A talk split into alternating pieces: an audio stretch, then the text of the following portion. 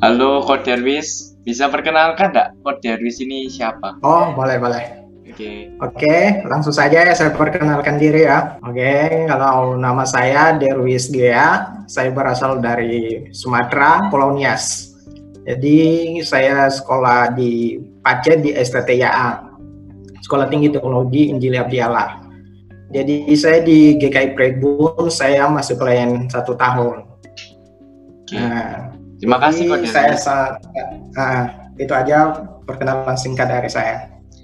Tadi Ko Derwis itu aku tuh dengar sebenarnya Ko Derwis itu tinggal di agak desa-desa gitu ya Ko. Memang di desa gitu. Iya Ya betul, betul, Terus- betul, betul. sebenarnya tema hari ini itu kita itu membahas tentang ben- apa benar gak sih mistis itu ada atau enggak gitu. Dapat aku makanya nanya kok Derwis yang kan keadaan Ah, kota ah. Sama desa itu katanya memang desa itu lebih mistis atau masih punya kepercayaan-kepercayaan tahayul-tahayul. Nah, benar gak sih kok desa itu kayak gitu? Betul ya? Terus kayak apa sih kok kepercayaan itu kayak apa? Betul. Bisa kasih contoh nggak? Kalau contohnya untuk berbicara tentang hal-hal yang mistis-mistis itu ya, ah, kalau kebanyakan kita menemukannya sih di desa-desa ya, masih banyak yang memegang-megang hal yang mistis-mistis itu. Jadi kalau hal-hal yang seperti itu, kepercayaan-kepercayaan seperti itu, itu hanya seperti apa ya rekayasa sebenarnya. Itu gak benar-benar sesuai dengan apa yang dikatakan Alkitab. Tetapi bagaimana orang-orang tertentu menggunakan itu, yaitu untuk mempengaruhi orang lain agar orang lain percaya kepada mereka. Dan di dalam kepercayaan itu juga orang lain bisa mendapatkan suatu pendapatan yang lebih tinggi, yaitu dengan menggunakan hal yang seperti itu. Ya begitu. Tapi jadi benar ada ya kayak gitu itu. Kalau benar-benar ada, itulah yang namanya ya kuasa iblis, yaitu bagaimana iblis itu mempengaruhi manusia untuk dijadikan alat sehingga manusia itu jauh dari Tuhan. Ah, Terus kata tadi kan aku deng aku tuh kan sering denger tuh aku kayak misalnya ada santet atau pelet gitu ada gak sih ku di Hmm. kehidupan itu beneran ada nggak atau enggak Ya kalau di tempat saya sih memang kalau yang namanya santet itu sangat banyak di daerah saya. Yang namanya santet itu ya guna-guna, pelet, sangat banyak sekali yaitu mereka menggunakan hal-hal tertentu untuk apa yang mengguna-guna orang. Contohnya ketika kita salah paham aja sama orang, bisa-bisa di depan kita mereka diam-diam, tetapi kita nggak tahu di belakang kita. Mereka menusuk, jadi dengan melakukan eh, ada mau pelet, guna-guna, dan banyak hal yang mereka lakukan. Itu biasanya di tempat saya, sangat banyak sekali. terus sama aku selain tahu pelet atau santet gitu ada juga dukunku. Betul nggak sih? Dukun itu ada. Maksudnya kayak apa gunanya dukun gitu loh Bo? aku mau tahu sih apa kerjaannya dukun sebenarnya? Kan aku taunya buat kan aku taunya biasanya cuma buat ngusir setan atau terus biasanya nyembur nyembur apa nggak ngerti nyembur air itu. Itu ya nggak sih? Kan aku taunya gitu. Tapi kalau misalnya Hmm. sebenarnya dukun tuh apa sih ada nggak sih? Ada nggak sih juga? Ada sih. Kalau di daerah saya, apa ya? Jangan ditanya lagi kalau mengenai dukun. Jujur kalau saya bisa bersaksi pada saat ini, orang tua saya sendiri dukun dulu. Waktu kami masih kecil sampai kelas masuk SD, mau masuk SMP, Hmm. orang tua saya itu masih dukun. Jadi dari kecil dia sudah belajar tentang ilmu hitam. Itu dia belajar tentang dukun, bagaimana menyembuhkan orang. Tetapi ketika kami sudah besar, mungkin apa ya juga banyak juga orang yang kasih masukan bahwa apa yang dilakukan bapak saya itu tidak benar, bahkan dia bertobat. Jadi bapak saya itu apa ya bisa menyembuhkan orang dan jujur pada waktu papa saya saya dengar-dengar cerita sebelum papa saya menikah, Papa saya itu pernah dimutilasi orang, tetapi dengan ilmunya dia bisa hidup lagi. Oh, jadi, Jadi kekuatannya sangat luar biasa. reinkarnasi jadi gitu. bapak saya itu- Iya betul, bapak saya itu dukun yang paling sakti dulu. Jadi ketika papa saya bertobat, baru di situ dia meninggalkan semua apa yang dia. Itu pun ketika dia meninggalkan itu ketika dibakar dan ada juga yang dibuang, ada yang kembali di rumah seperti dia punya kris. Ketika itu sudah dibuang dan dimusnahkan, tiba-tiba besoknya udah kembali ke tempatnya. Jadi baru dipanggil di situ baru pendeta-pendeta datang mendoakan baru dibakar baru habis itu gak kembali lagi. Jadi kalau berbicara tentang dukun sangat banyak. Saya memberikan kesaksian tentang bapak saya sendiri. Jadi apa pun penyakit, papa saya bisa sembuh ke waktu itu. Kok bisa sih? Begitu. Boleh nanya nggak? Aku cuma mau tahu aja sebenarnya. Ah, ah, ah. Kok bisa sih dukun itu bisa nyembuhin orang? Maksud kan berarti pekerjaan dukun kan kan nggak salah kalau misalnya nyembuhin orang. Ah, betul, betul, Ya, betul. Sorry, Ini pertanyaan yang bagus sebenarnya. Ah, ini pertanyaan yang bagus ya. Kenapa sih dukun itu bisa menyembuhkan orang? Ah, pertama, kita harus tahu dukun itu sebenarnya apa sih? Ah, dukun itu mereka itu sebenarnya alat yang digunakan oleh iblis, yaitu bagaimana iblis mempengaruhi mereka agar mereka lebih jauh dari Tuhan. Jadi, dukun-dukun itu dipakai oleh iblis untuk menyembuhkan orang. Kita tahu bahwa iblis itu tidak senang dengan orang yang percaya kepada Tuhan. Jadi iblis itu menggunakan cara yaitu bagaimana dia mempengaruhi orang-orang percaya agar mereka lebih jauh dari Tuhan. Dengan Jadi cara- kenapa mereka bisa menyembuhkan? Karena kita tahu bahwa iblis itu cuma satu yang tidak bisa dia lakukan, yaitu memberikan keselamatan. Ah, Jadi segala sesuatu bisa dia lakukan, yaitu dengan menyembuhkan orang dan berbagai hal dia bisa lakukan. Jadi itulah tugas iblis. Jadi satu yang tidak dia, dia bisa iblis berikan yaitu tentang keselamatan. Jadi memang tujuannya dukun itu kayak misal kan kadang minta doa Tuhan untuk disembuhkan, tapi nggak bisa. Nah, Terus habis Hmm. gitu iblis ini dengan alatnya dukun untuk menyembuhkan orang bisa tuh akhirnya. Jadi makanya membuat orang bisa aku wis percaya dukun aja daripada percaya Tuhan gitu ya, semacam kayak betul, gitu. ya. betul. Nah, kalau di daerah saya kebanyakan itu mereka lebih percaya kepada dukun daripada pendeta. Soalnya Jadi ketika mereka ketika mereka sakit, mereka itu gak datang sama pendetanya, tetapi yang mereka cari adalah dukun. Itu mereka mencari kesembuhan karena bagi mereka dukun lebih sakti daripada pendeta. Dan inilah yang digunakan oleh iblis untuk mempengaruhi manusia. Jadi begitu. Oke kak, jadi memang tujuan dukun ini memang tujuannya kan memang untuk mempengaruhi manusia untuk lebih percaya kan sama Betul. gitu. Sama aku tuh mau nanya juga sih, sebenarnya kalau di kota kan nggak se ekstrim itu tuh, maksudnya kayak pe- pelet, santet itu kan hampir nggak suka ya udah gitu. loh.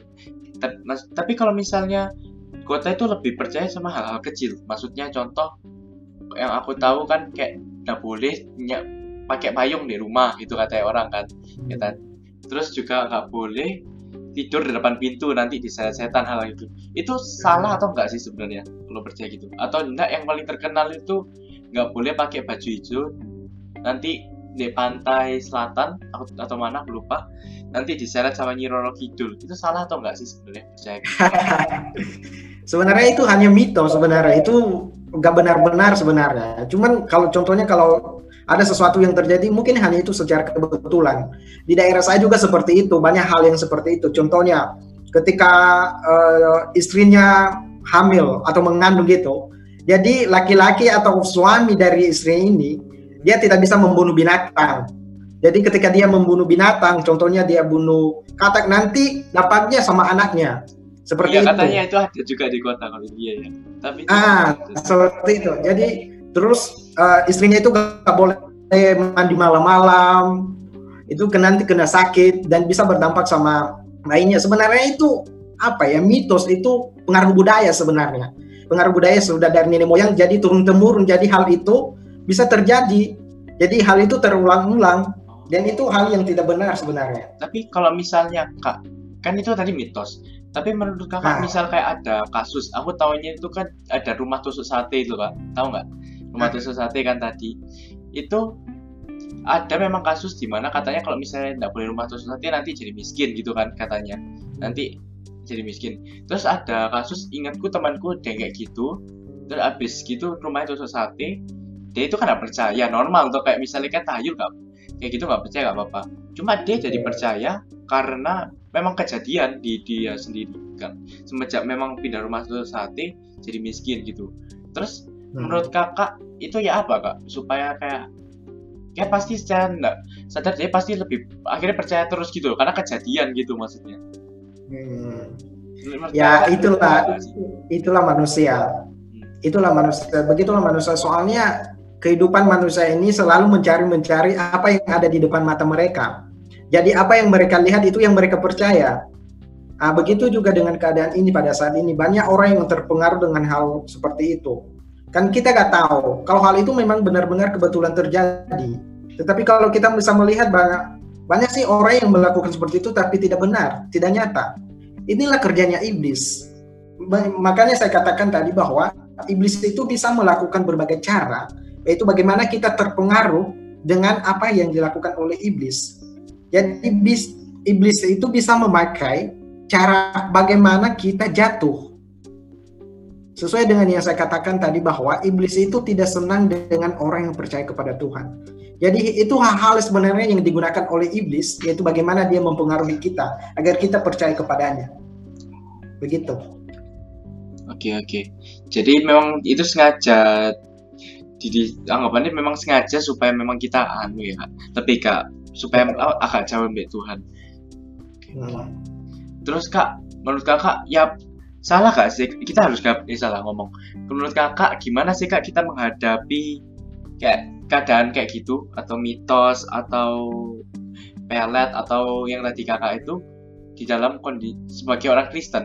Sebagai kita kan orang Kristen hmm. terus gimana sih cara menghadapi kayak gitu itu kita harus kayak misalnya kan santet tuh benar ada tuh. Kita harus hmm. ya udah menghindari orang yang kayak gitu atau memang apa masih percaya tapi kita gak ikut-ikut kita tetap percaya ikut Tuhan atau ya apa kak? Mungkin kakak bisa kasih saran sebagai pandangan kita orang Kristen.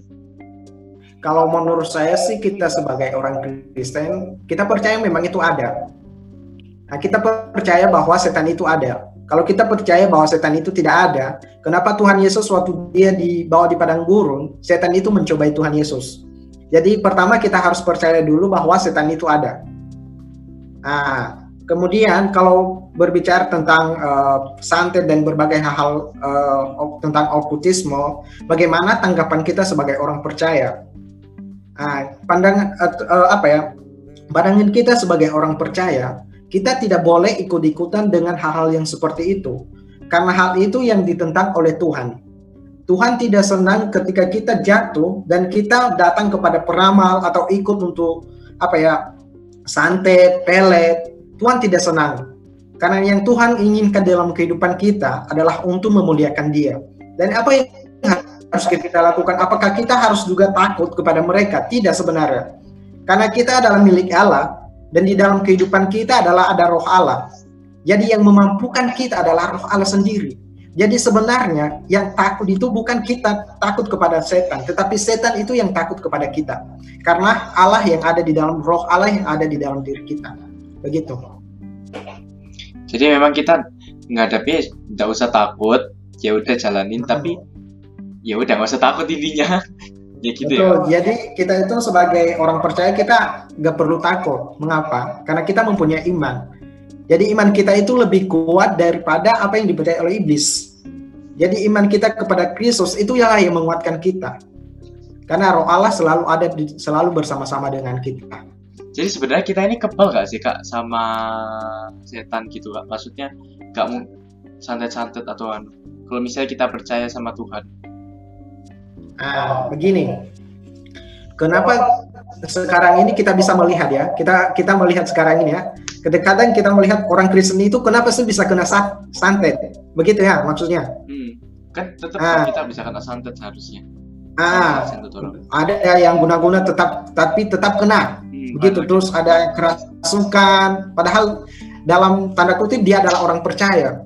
Jadi orang-orang yang kena santet kita ada pertanyaan apakah orang-orang orang itu benar-benar percaya atau tidak?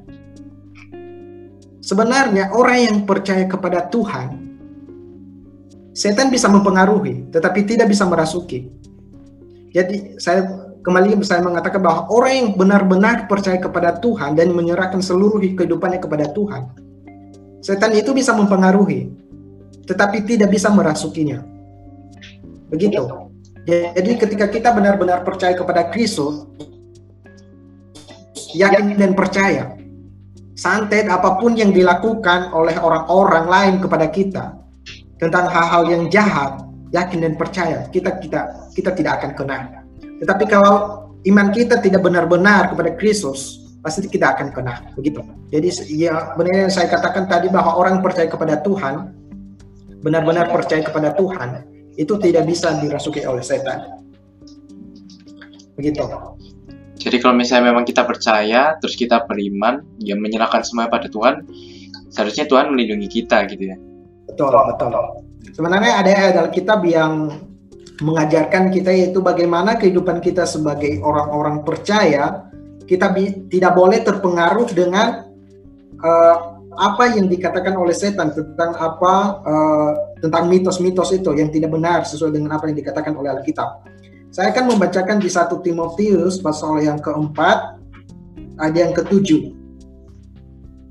Di situ dikatakan, tetapi jauhilah takhayul dan dongeng nenek-nenek tua. Latihlah dirimu beribadah. Di ayat yang kedelapan, latihan badani terbatas gunanya. Tetapi ibadah itu berguna dalam segala hal karena mengandung janji, baik untuk hidup ini maupun untuk hidup yang akan datang.